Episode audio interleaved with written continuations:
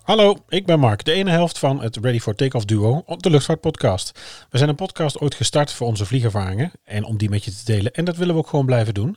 Maar al een tijd kriebelt er een gevoel om daar iets meer mee te doen. En nu in deze tijd wat meer thuis zitten dan normaal, lijkt het het moment om dat te doen. Vandaar deze extra reeks met bonusafleveringen alleen met mij.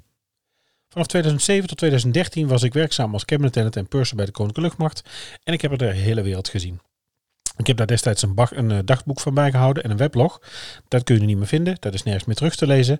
Ik heb het natuurlijk nog wel. En ik wil dat hier in, laten we zeggen, deze bijzondere transfer van Ready for Takeoff met je delen. Nou, laat me in ieder geval ook eventjes weten op onze socials eh, wat je ervan vindt en of je meer wilt horen. En uh, vandaag wil ik je meenemen naar Winnipeg, Manitoba in Canada. Het is vrijdag 24 oktober 2008. Joehoe, mijn allereerste keer de sloot over. We gaan een intercontinentale vlucht maken. Vandaag was het dan eindelijk zover, voor het eerst naar Canada en Amerika. Het is een hele ingewikkelde vluchtopdracht. We vliegen met United Airlines van Amsterdam naar Chicago, naar O'Hare, een van de grootste luchthavens eh, van de wereld en van de Verenigde Staten. Het is een vlucht van ruim 8 uur en we zitten Economy Plus. Het was redelijk uit te houden, maar het blijft toch lang. Aangekomen op Chicago is het koffers pakken en weer inchecken voor de transfervlucht, want we gaan door naar Winnipeg in Canada. Na anderhalf uur wachten en bier met cola en chicken wings op de luchthaven gaan we met een regionale vlucht door naar Canada.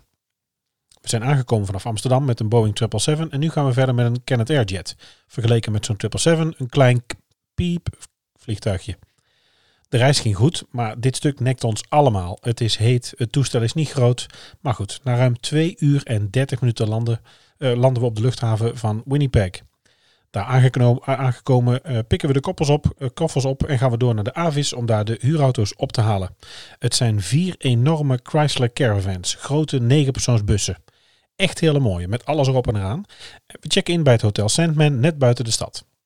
En dan is het eventjes zoals we dat noemden, shit, shave en shower. Oftewel, even naar het toilet, Misschien even scheren en douchen. Daarna pakken we de bus om een hapje te gaan eten en de stad in te gaan. En de collega's willen ook even naar de plaatselijke Hooters.